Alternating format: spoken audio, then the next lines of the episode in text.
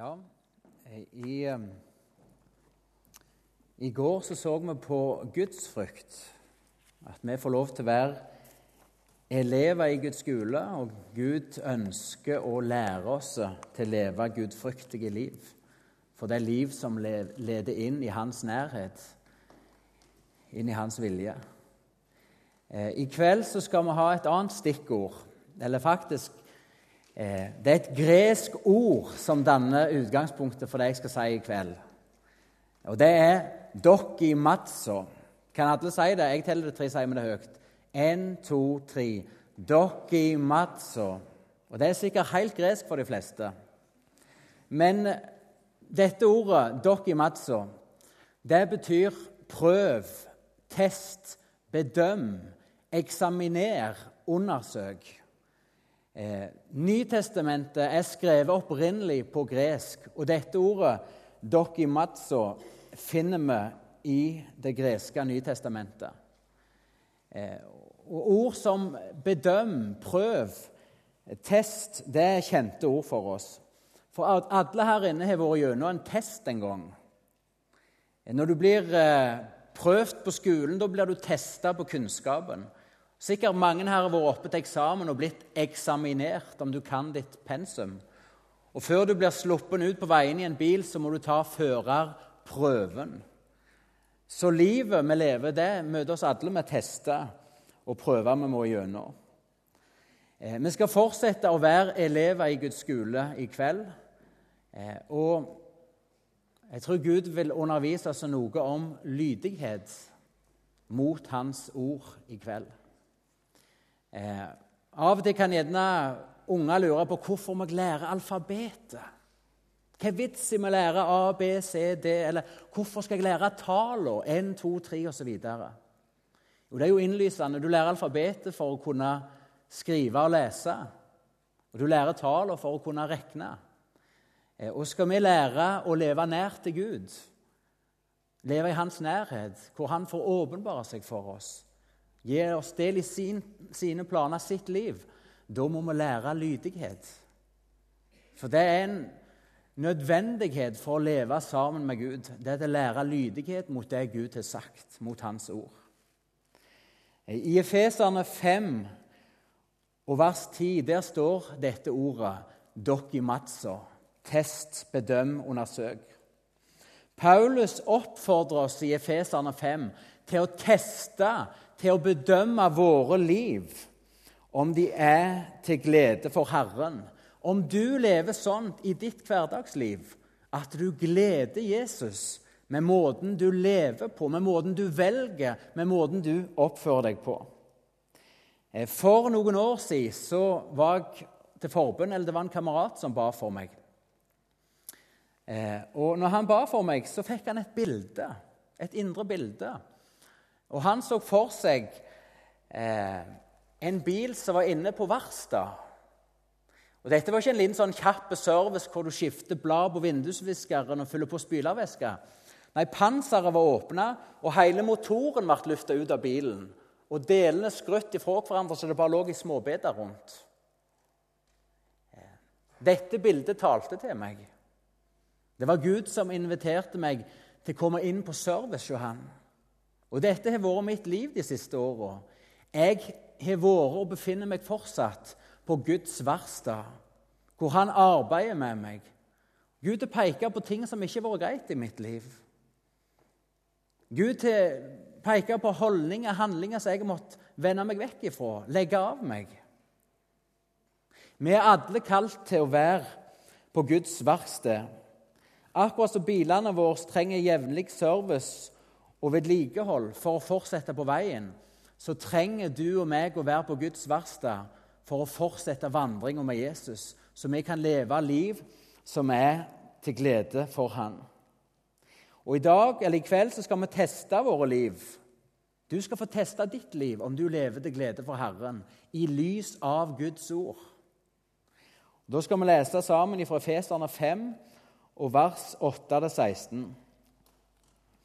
En gang var dere selv mørke, men nå i Herren er dere lys. Lev da som lysets barn. Lysets frukt er all godhet, rettferd og sannhet. Prøv, dokk i matsa, test, bedøm, undersøk, eksaminer hva som er til glede for Herren. Ta ikke del i mørkets gjerninger, for de bærer ingen frukt. Avslør de heller. Det som slike folk driver med i det skjulte, er det en skam bare å nevne. Men alt kommer for dagen når det blir avslørt av lyset, og alt som kommer for dagen, er lys. Derfor heter det:" Våkn opp, du som sover, stå opp fra de døde, og Kristus skal lyse for deg. Pass derfor nøye på hvordan dere lever, ikke som ukloke mennesker, men som kloke, så dere bruker den dyrebare tiden godt, for dagene er onde. Prøv, prøv hva som er til glede for Herren. Hva er det Jesus ønsker av ditt og mitt liv, av våre liv? Jo, Jesus sier sjøl i Lukas 10, 27, Du skal elske Herren din Gud av hele ditt hjerte og av hele din sjel og av all din kraft og av all din forstand, og det neste som deg selv. Det Jesus ønsker av deg, det er hjertet ditt. Det er føttene dine, og det er tankene dine. Jesus ønsker å eie ditt hjerte. I Bibelen er det et rop for Gud. 'Sønn, gi meg ditt hjerte.' Jesus ønsker å styre skrittene dine, og Jesus ønsker å fylle og forme tankene dine. I Kristus, på korset, så kjøpte Jesus deg fri med sitt blod. Du som har tatt imot Jesus, du er sett inn i Kristus. Et nytt liv har tatt til. Og Jesus har tatt bolig i deg med si hellige ånd, Kristus i oss. Og han ønsker å leve i deg og gjennom deg med si hellige ånd. Han ønsker å beherske hjertet ditt med si hellige ånd. Han ønsker å drive deg langs sine veier. Han ønsker å forme ditt sinn til Kristi sinn. Jesus ønsker å leve i deg. Han ønsker hele deg. At du skal få lov til å være som en leirklump som blir forma mer og mer til likhet med hans bilde, med Jesus. Prøv hva som er til glede for Herren i ditt liv. De ti bud er en konsentrert oppsummering av Guds vilje for et menneskeliv. De ti bud. Og I motsetning til i Det gamle testamentet, i den gamle pakt, der ble de ti bud, Guds vilje, ble skrevet på steintavler. Og Så fikk israelsfolket disse tavlene, og så måtte de bære det med seg som noe ytre, som Guds vilje. Og vet du hva? Leser du Det gamle testamentet, ser du gang på gang så ble dette en for tung byrde for folk å bære. Guds vilje var som et åk på dem. De gjorde gang på gang opprør mot hans vilje. Men vet du hva? Situasjonen er annerledes for deg. Du som tatt imot Jesus, du som har fått Den hellige ånd, Gud sjøl, inn i ditt liv og ditt hjerte. Vet du hva? Guds vilje er nå blitt skrevet på dine hjertetavler. Guds vilje, Guds bud, er kommet på innsida. Og i Esekiel 36, og vers 26 og 27 så kan vi lese Jeg vil gi dere et nytt hjerte og la dere få en ny ånd inni dere. Jeg vil ta steinhjertet ut av kroppen deres og gi dere et kjøtthjerte i stedet. Jeg lar dere få min ånd inne i dere og gjør det slik at dere følger mine forskrifter og tar vare på mine lover, så dere lever etter dem. Vet Du hva? Du har fått en unik mulighet av Gud til å leve et liv i samsvar med Hans vilje. Til å leve et liv som er et behag for Herren, som gleder Herren. Og Den eneste muligheten for deg og meg det er et liv i Den hellige ånd. Et liv der Jesus lever gjennom oss der Guds vilje ikke lenger er et ytre òg, men det er et indre liv. Den hellige ånd ønsker å lede deg til å i villighet gi ditt liv, i kjærlighet leve etter Guds vilje. Kjærlighetens oppfyllelse av de ti bud, det er til glede for Herren. Ikke at du gjør det av tvang, men at du gjør det av et villig hjerte. Og Det vil si at å glede Jesus det handler om de små og store valgene vi tar i vår hverdag. For summen av dine hverdagssituasjoner, av alle de små og store valg du tar, det bestemmer kursen på ditt og mitt liv.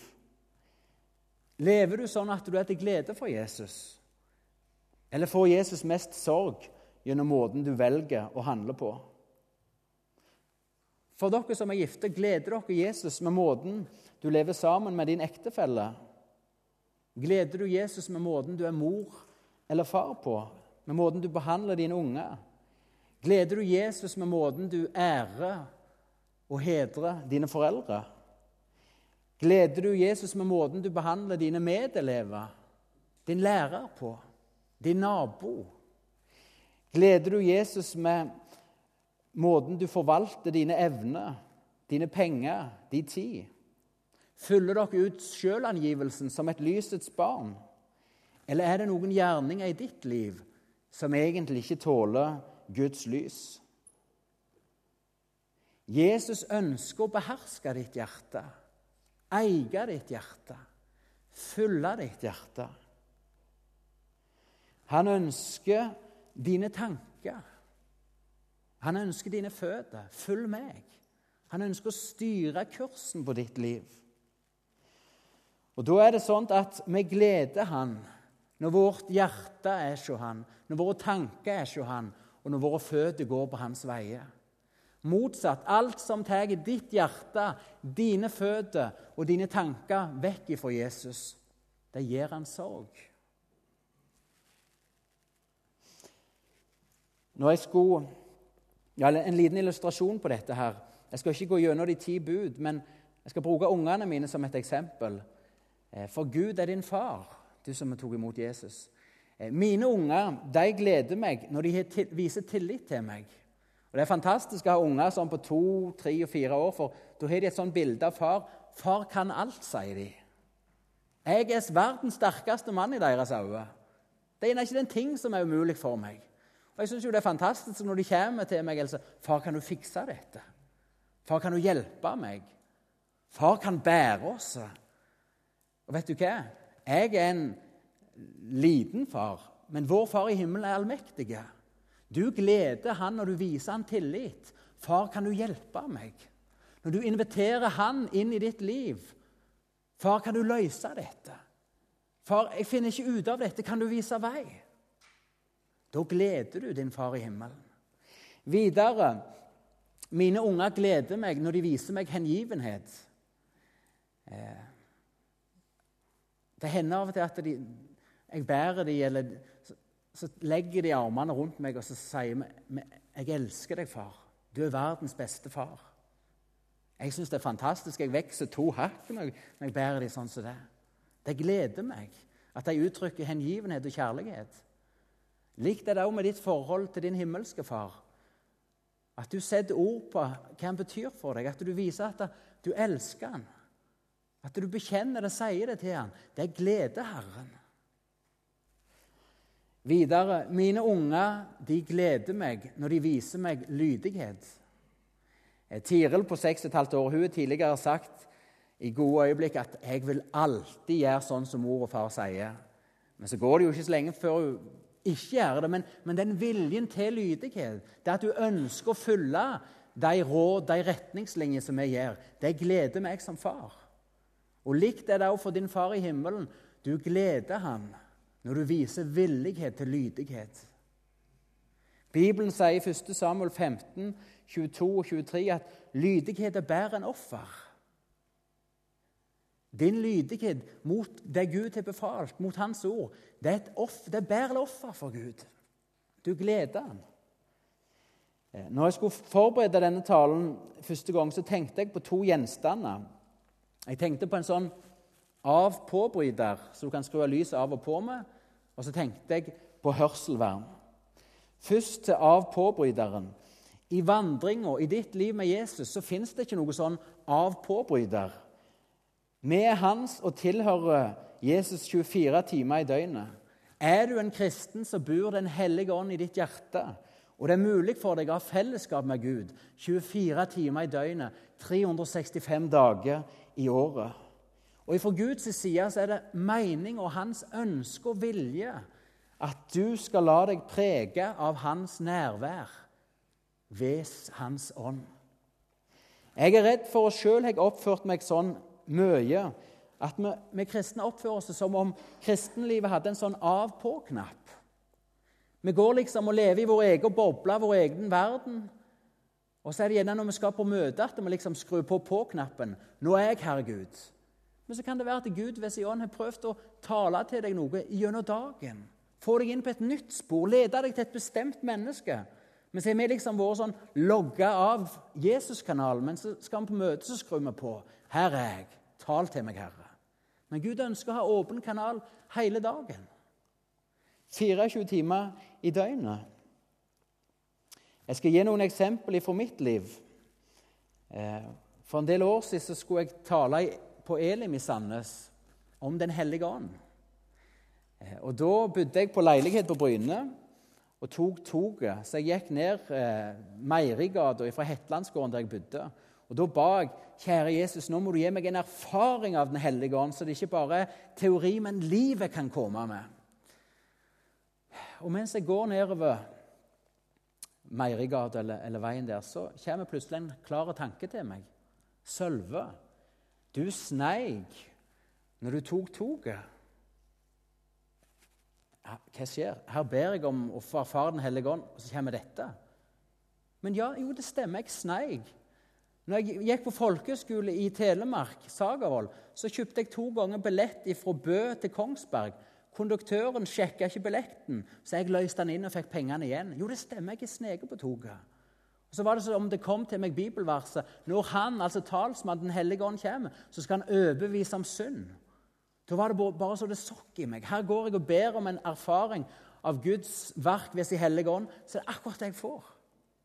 Og Da var veien kort for meg inn på togstasjonen på Bryne.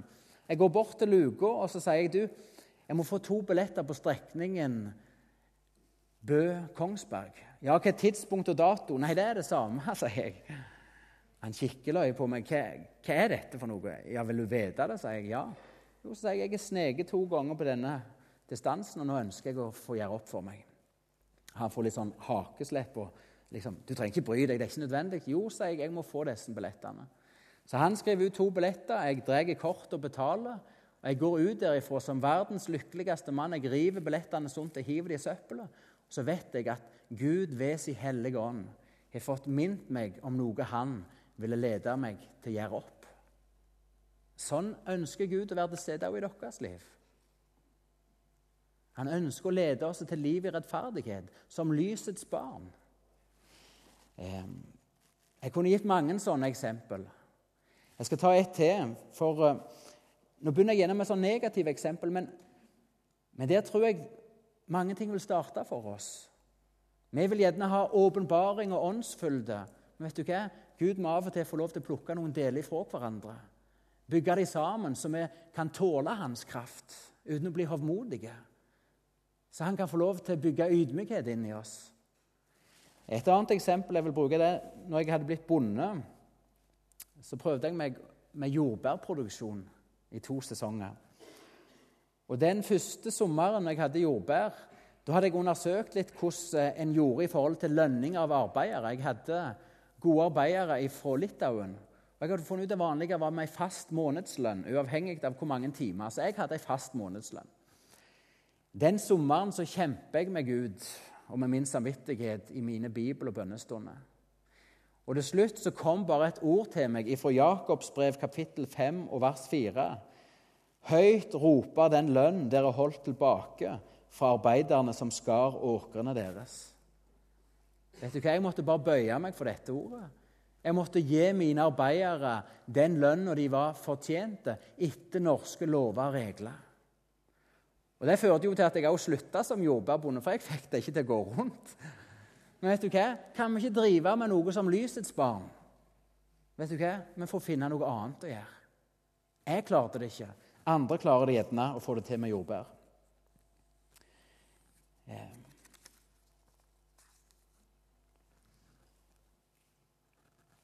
Den andre gjenstanden jeg tenkte på, det var hørselvern. Bruker du hørselvern når Jesus vil tale til deg? Nå slapper dere kanskje godt av å tenke at dette gjelder iallfall ikke meg, for jeg vil så gjerne høre hans stemme. Og hvis Jesus først skulle begynt å tale til meg, aldri i verden om jeg hadde sett på øreklokke. Vet du hva? Det fins mange typer hørselvern vi kan sette på våre indre, våre hjertes ører, som ikke hører Jesus' stemme. Jeg skal gi noen eksempel. Du har bestemt deg for å lese i Bibelen. Du setter deg i godstolen. Du har Bibelen med deg, men du skal bare se på hva som går på TV, så du har oversikten for hva du skal gjøre etterpå. Vet du hva?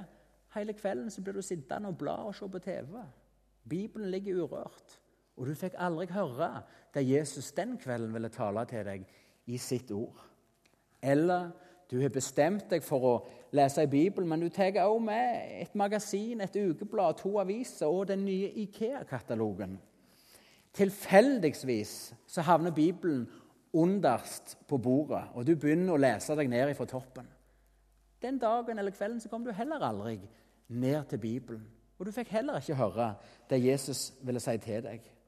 Eller du ber, og det er flott at du ber, og du nevner ting etter ting for Gud. Og det er flott at du utøser ditt hjerte for Han. Men vet du hva? så fort du har lagt av deg det som er på hjertet, så sier du et ord. Amen. Stenger du av, og så springer du videre i dagen. Vet du hva? Jeg har sjøl synda så mange ganger mot stillheten framfor Gud. Mesten, å, å, å, be på denne måten er nesten som å gå til en lege og lire av seg hvor vondt du har det alle plasser, og så springer du ut før han har fått lov til å gi deg resepten. Bli stille for Herren. Når du ber, gå inn og lukk døra bak deg. Steng verden ute. Vær alene med Jesus. Gjør sånn som Samuel gjorde. Tal, Herre, din tjener lytter. Og Det kan være et godt tips. Når du ber, så også si det til Jesus. Tal, Jesus. Jeg lytter. Har du noe du vil si meg, så er jeg her nå. Bli stille for ham. Og du vil få høre.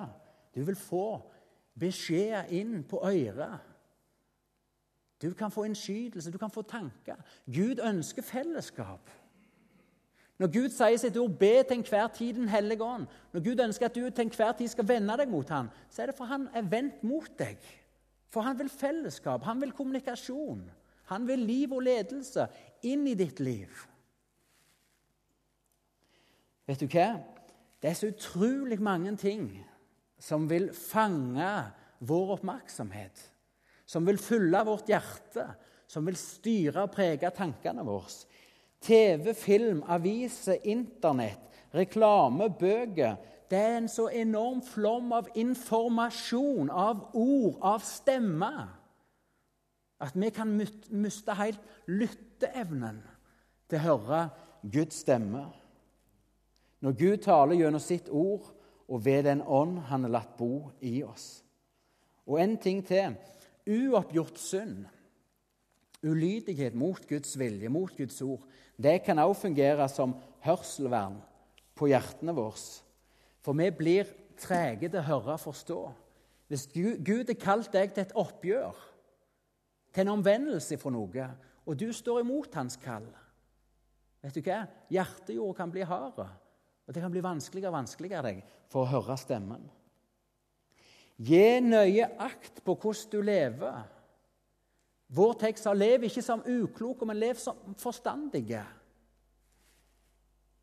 Vær nøye og streng med hva du lar fylle ditt sinn og ditt hjerte. Og I Bibelen i ordspråk 4.23 så står det Bevar ditt hjerte framfor alt du bevarer, for livet går ut fra det. Framfor alt du bevarer, sier Gud, bevar hjertet ditt. Bevar hjertet ditt for Jesus, for livet går ut derifra. Dette er livslov for alt liv. Et hjerte som slår, et sunt hjerte, det er forutsetning for et liv, for kraft til å leve. Svikter hjertet vårt, ja, da svikter også vår evne til å leve. Vi synker hen. Men det er òg en lov for det åndelige livet. Ditt åndelige liv springer ut ifra hjertet ditt. For Gud har tatt bolig med sin hellige ånd for å være det nye livet i deg, for å være den livgivende kilden. Bevar hjertet ditt for Han, For livet, det nye livet, Kristuslivet, går ut ifra det. Gi han rom i ditt hjerte. For han vil så gjerne fylle det med sitt liv. Ønsker du å bli fulgt av Den hellige ånd? Ønsker du å leve et åndsfullt liv? Gi Gud rom i hjertet. Det er logisk. Hvis vi skal bli fulgt av Jesus, så må vi fornekte oss sjøl. Skal vi bli fulgt av Guds ånd, ja, da må vi si nei til ting i verden. De kan ikke leve sammen. Jeg skal nå lese et, eh, et innlegg som sto i Dagen-magasinet. Det er om djevelen som kaller sammen til en verdenskongress for sine onde engler. Satan kalte sammen til en verdenskongress.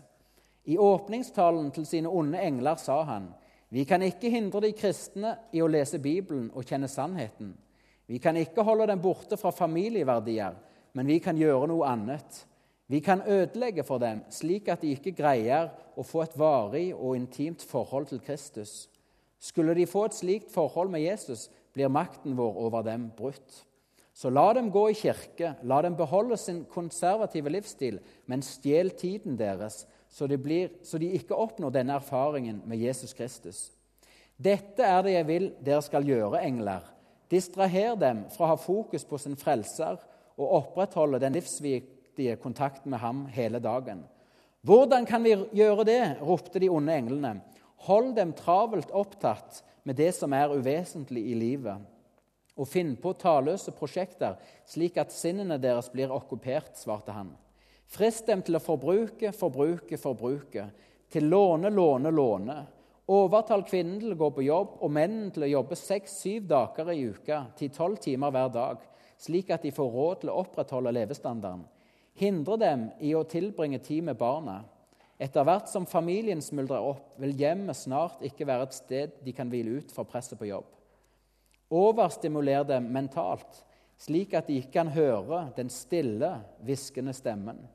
Lokk dem til å spille radio og CD-er hver eneste gang de er ute og kjører, ha TV-en eller videoen konstant på hjemme. Frist dem til å bruke mer og mer tid framfor datamaskinen, og frist dem spesielt til å se porno på Internett og se til at det blir spilt musikk kontinuerlig, selv i butikker og på restauranter. Dette vil blokkere sinnene deres og ødelegge samfunnet med Kristus. Fyll salongbordene deres med magasiner og aviser. Overles sinnene deres med nyheter 24 timer i døgnet. Invader kjøreturene deres med store reklameskilt. Oversvøm postboksene deres med søppelpost, postordrekataloger, nyhetsbrev og promoteringstilbud Gratis lokkeprodukter, tilbud og falske håp. Selv på fritiden må de være travle. La dem komme tilbake fra ferie utslitt, urolige og uopplagt. Slipp dem ikke ut i naturen. Send dem til fornøyelsesparker, idrettsarenaer, konserter og på kino i stedet. Og når de kommer i åndelig fellesskap, engasjer dem i sladder og overfladisk snakk, slik at de går derfra med dårlig samvittighet og følelsen i ulaget. La dem gjerne engasjere seg i å vinne andre sjeler, men gjør livene deres fullstappede med så mange gode formål at de ikke får tid til å søke kraft fra Kristus. Snart vil de arbeide bare i egen styrke. De vil ofre helsen sin og enheten i familien for den gode sak. Det var litt av en kongress, og de onde englene dro ivrig til sine bestemmelsessteder for å gjøre all verdens kristne travlere, travlere og travlere og få dem til å forbruke mer og mer og mer. Lev som lysets barn. Prøv, test, bedøm ditt liv. Får Kristus det rom i ditt liv som han så gjerne vil ha, som han fortjener? Er det områder i ditt liv hvor du lever i bevisst ulydighet mot Guds vilje? Vet du hva? Det er enormt viktig at vi lar oss jevnlig korrigere etter de retningslinjer som Bibelen gir. For små avvik som ikke blir korrigert, kan over tid føre oss langt vekk ifra Jesus. En motor som ikke får jevnlig olje og service, vet du hva? den vil med sikkerhet havarere. Bileieren har valget imellom å overse ulydene og fjuskinga og satse på å kjøre helt til dess det bryter sammen, eller han kan ta de omkostninger som jevnlig service og vedlikehold medfører. Sånn er det òg for oss kristne. Du kan dure på. Du kan lukke ditt hjerte og øre for den stille stemmen som kaller deg til oppgjør, som kaller deg til side, som kaller deg inn. Men vet du hva? En dag så vil motoren bryte sammen hvis du er død for hans røst, hvis du er ulydig mot hans ord. Som en motor trenger service, så trenger vi til stadighet å være på service hos Jesus. Vi trenger nåde og rettledning. Vi trenger at han får stramme løse skruer. Vi trenger at Jesus får fjerne smuss i maskineriet, og at han fyller på med olje. Sånn at vi kan vandre videre med Jesus og være til glede for han. Vi trenger alle og dere i Matsa teste våre liv, og vi lever til glede for Herren. Og så trenger vi å gjøre det som vi vet er til glede for Herren. Lever du sånn at du er til glede for Jesus med ditt liv? Trenger du som meg en grundig overhaling av ditt hjerte, av din motor? Det er lite vits i å bone bilen og kjøpe en ny Wunderbaum hvis motoren under panseret er i ferd med å bryte sammen. Sønn, gi meg ditt hjerte, sier Gud. Gi meg ditt hjerte. For alt i verden, du som ser at det trengs oppgjør og omvendelse, justeringer i ditt liv, prøv ikke å sette ting i rett stand på egen hånd. Når du i lys av Guds ord har sett at her er det ting som må jobbes med, så gå ikke i gang med arbeid alene. Gå til Jesus. Gå til Jesus når du har fått lys over ditt liv i lys av Guds ord. Gå til Han og be Han om hjelp til å vinne seier over syndige vaner. Be Han om å forvandle ditt hjerte. For han ønsker ikke å legge noe ytre på deg, men han ønsker av hjertet forandre deg. Risse sin vilje inn i ditt hjerte. Gi deg en lyst og en vilje til det gode, og også velsigne deg med kraft til å leve etter hans gode vilje. Når Jesus skal rense smuss vekk og stramme løse skruer, så er det to ting han trenger fra de og min side. Han trenger for det første adgang. At vi sier 'Jesus, kom inn'. Kom inn i mitt hjerte, kom inn i mitt liv. Kom inn i dette som er gått galt. Ta det, Jesus. Og han trenger at vi er villige til å vandre i lyset med våre liv. Hva vil det si å vandre i lyset? Jo, det vil si å vandre med Jesus som er verdens lys. Og når vi i vår vandring med Han ser sannheten om våre liv, så skal vi gi Gud rett, gi Guds ord rett. Ikke forsøke å skjule, men la Hans lys komme over det. Det fantastiske når vi vandrer i lyset, det er at da vil Hans blod Første Johannesbrev sier dette. Når vi vandrer i lyset, så vil Hans blod rense oss. Du som har valgt å vandre i Guds lys, vet du hva? Du blir til stadighet vaska rein i Jesus sitt blod. Når du vandrer i lyset, så får Gud til stadighet jobbe med deg, rense deg, forme deg. Når vi vandrer i lyset, vet du hva? da virker Gud i oss, både å ville og kunne gjøre etter Hans gode vilje. Når du vandrer i lyset, da forvandler han deg fra innsida, sånn at våre hjerter og våre gjerninger blir til glede for Herren. Den eneste måten å få et sunt kristenliv på, det er å vandre i Guds lys. Å leve i lyset med våre liv. Prøv dere selv om dere er i troen. Dette sier Paulus i 2. Korinter 13,5. Ransak dere selv om dere er i troen. Prøv dere selv eller merker dere ikke at Jesus Kristus er i dere? Det måtte da være at dere ikke består prøven. Her ber Paulus oss, her ber Gud oss om å teste, bedømme våre liv, om vi kan merke at Jesus Kristus er i oss. Den første testen vi så på i kveld, den førte oss inn i Guds ord, hvor vi så våre liv i lys av Guds ord, og vi lever sånn at vi er til glede for Herren. I den andre testen i kveld prøv dere selv om dere er i troen. Her er ikke svaret å finne i Bibelen. Vi kan ikke bare slå opp på ei side og si 'jo, jeg er i troen'.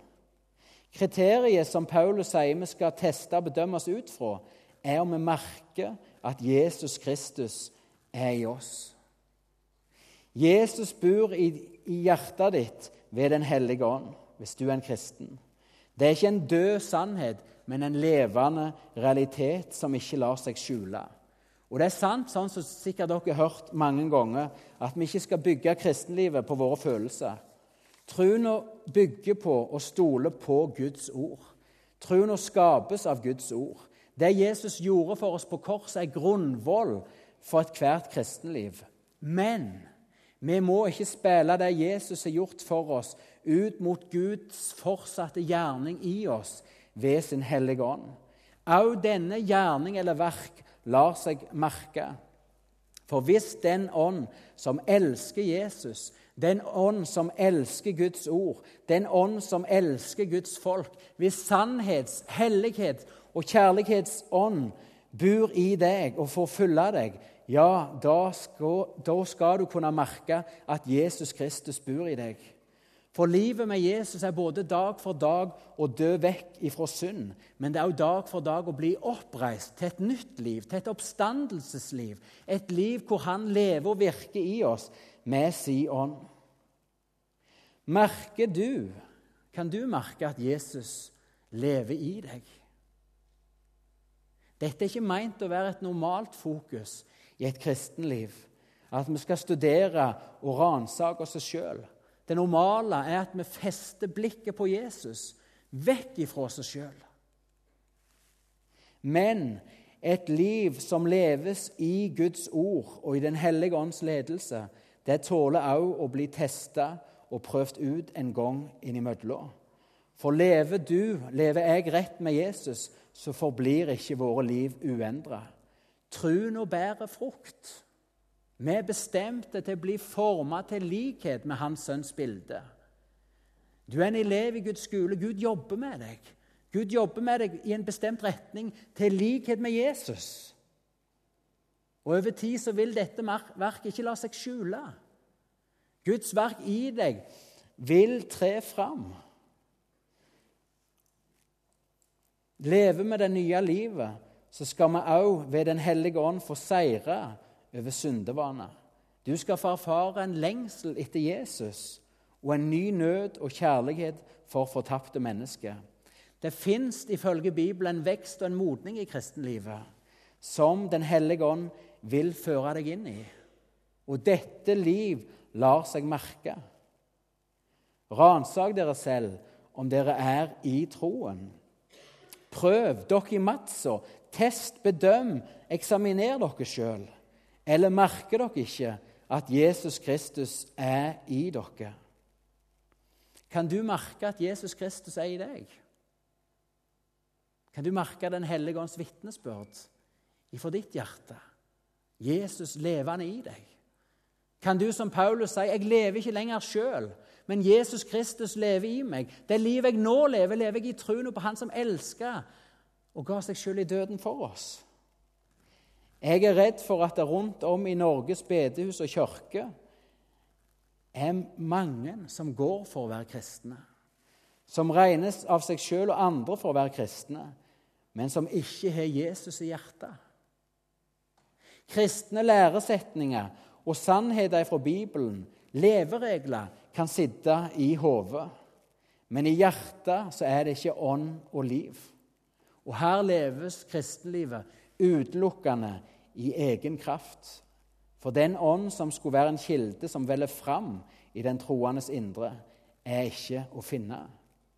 Levende kristendom det må vi være enige om, det er mer enn tanker om Gud, sannheter fra Bibelen, læresetninger. Levende kristendom er liv i Gud og liv med Gud. Vi i Han, Han i oss. Dette liv lar seg ikke skjule. Det lar seg merke. Det kan være mange ulike årsaker til at en er falt ifra dette livet.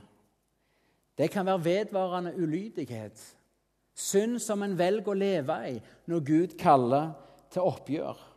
Eller det kan være okser og ågre, ja, alt i denne verden som har fått et sånt rom i ditt liv at det har kvelt den tru Gud skapte, det liv Gud en gang ga deg. Er du i tru nå? Kan du merke at Jesus Kristus lever i deg? For andre så er det kan hende ikke gått så langt at en har mista dette livet. Men er vi ærlige, så må vi kanskje innrømme at Den hellige ånd har ikke fått den frihet og makt i våre liv som er Guds, etter Guds gode vilje. Du er en kristen, du har fått Den hellige ånd som pant i hjertet, men du lever et liv mer prega av ditt kjød, av din vilje, enn av Guds ånd og Guds vilje.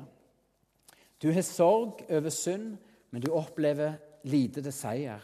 Din vandring mot himmelen er mer preget av sammenbitte tenner, av opprette armer, av dine forsøk, enn av takkesang og lovprisning av din frelser. Hvis dette er deg, så vil jeg i kveld si et håpens ord. Det fins håp for deg. Det fins håp for oss. For det står i Matteus 18, 27, det som er umulig for mennesker, er mulig for Gud. Takk og lov. Det som er umulig for mennesket, det er mulig for Gud. Og vet du hva? Dette gjelder både frelsen, inngangen i Guds rike, til å bli et Guds barn. Det er umulig for mennesket, men det er mulig for Gud.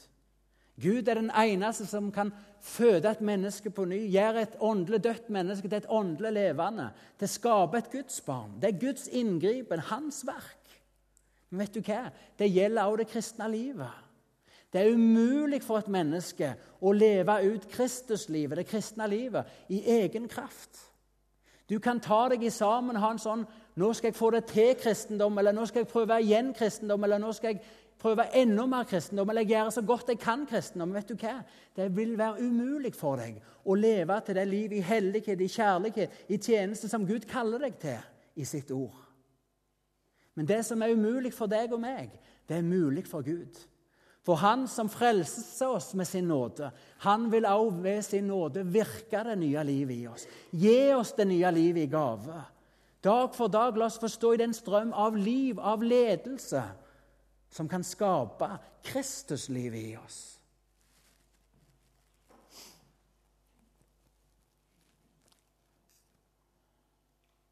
Abraham er et forbilde for oss her. Han hadde fått Guds løfte. Vi har også fått Guds løfte. Og vet du hva vi til vi har fått? Vi har fått Alle Guds løfter fått sitt ja og amen i Jesus. Du som tok imot Jesus, du eier Guds ja og amen til alle sine løfter i Han. Oppfyllelsen av Guds løfte, av et nytt liv, av et liv i Den hellige ånd, om Guds ledelse, om Guds forsørgelse, av hele livet ditt, det eier du oppfyllelsen av i Jesus. Det er sikra deg i Jesus. Det er ditt i Jesus. Og Gud lengter etter å gi deg oppfyllelsen i ditt liv. Men det vi må lære av Abraham, var etter at han hadde fått løftene vet du hva? Han vandra rundt i det lova land uten å eie så mye som et mål, en kvadratmeter. Han var landløs. Han som hadde fått løfte om et stort folk, han var barnløs. Vet du hva? Abraham var avmektige. Han var kraftløs, og Sara hadde et dødt morsliv. Ikke mye unger som kan komme fra et dødt morsliv. Vet du hva det står i Romerne 4? Abraham ble ikke vantruende, men han ble styrka i troen og ga Gud ære, for han visste at han som hadde lovt, var også mektig til å oppfylle, at han kunne gjøre liv av det som var dødt. Og vet du hva, Det gjelder også ditt liv. Guds løfte gjelder for deg. Løftet om et nytt liv, om en vandring i Den hellige ånd, om Guds liv og ledelse i deg, det gjelder deg. Men vet du hva? Som Abraham så virker Gud først lydighet og vilje i oss. Vi ønsker dette livet, vi mottar løftene. Og så kommer kraften og oppfyllelsen siden. For det står i Filipperne 2,13.: For det er Gud som er virksom i dere, så dere både vil og gjør etter Guds gode vilje. Gud virker i oss.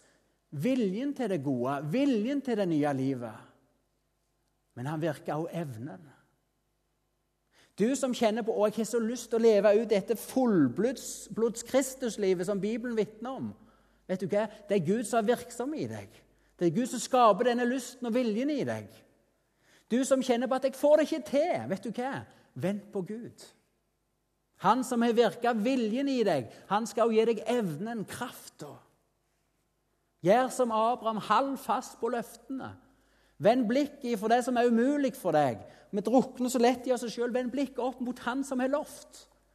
Han er trofast mot sitt ord. Han skal også oppfylle løftene i ditt liv.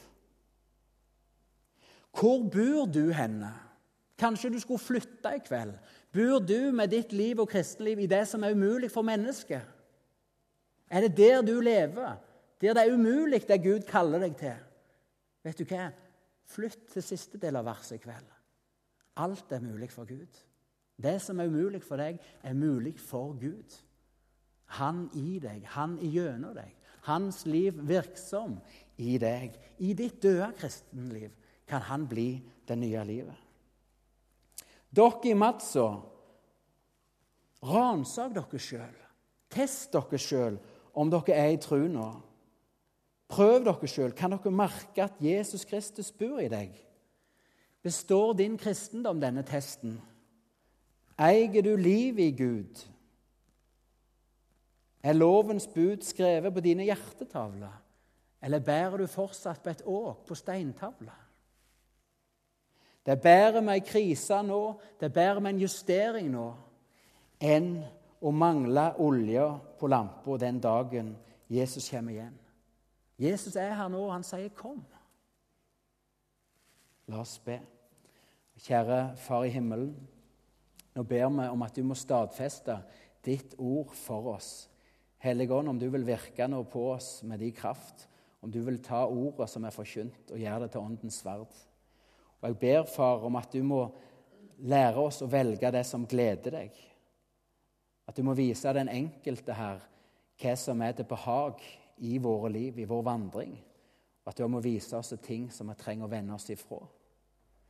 Så ber jeg òg, Far i himmelen, om at du må ransake oss og prøve oss om vi er i tro nå, om vi går på evighetens vei. Så må du kalle på oss og lede oss inn på evighetens vei hvis vi har villet oss vekk. Vi legger denne stunden, og vi legger vår liv over i dine hender. Vi stoler på din nåde. Du er en god Gud. Du er en miskunnsom Gud. Du elsker oss. Din vilje for oss er det gode. I Jesu navn. Amen.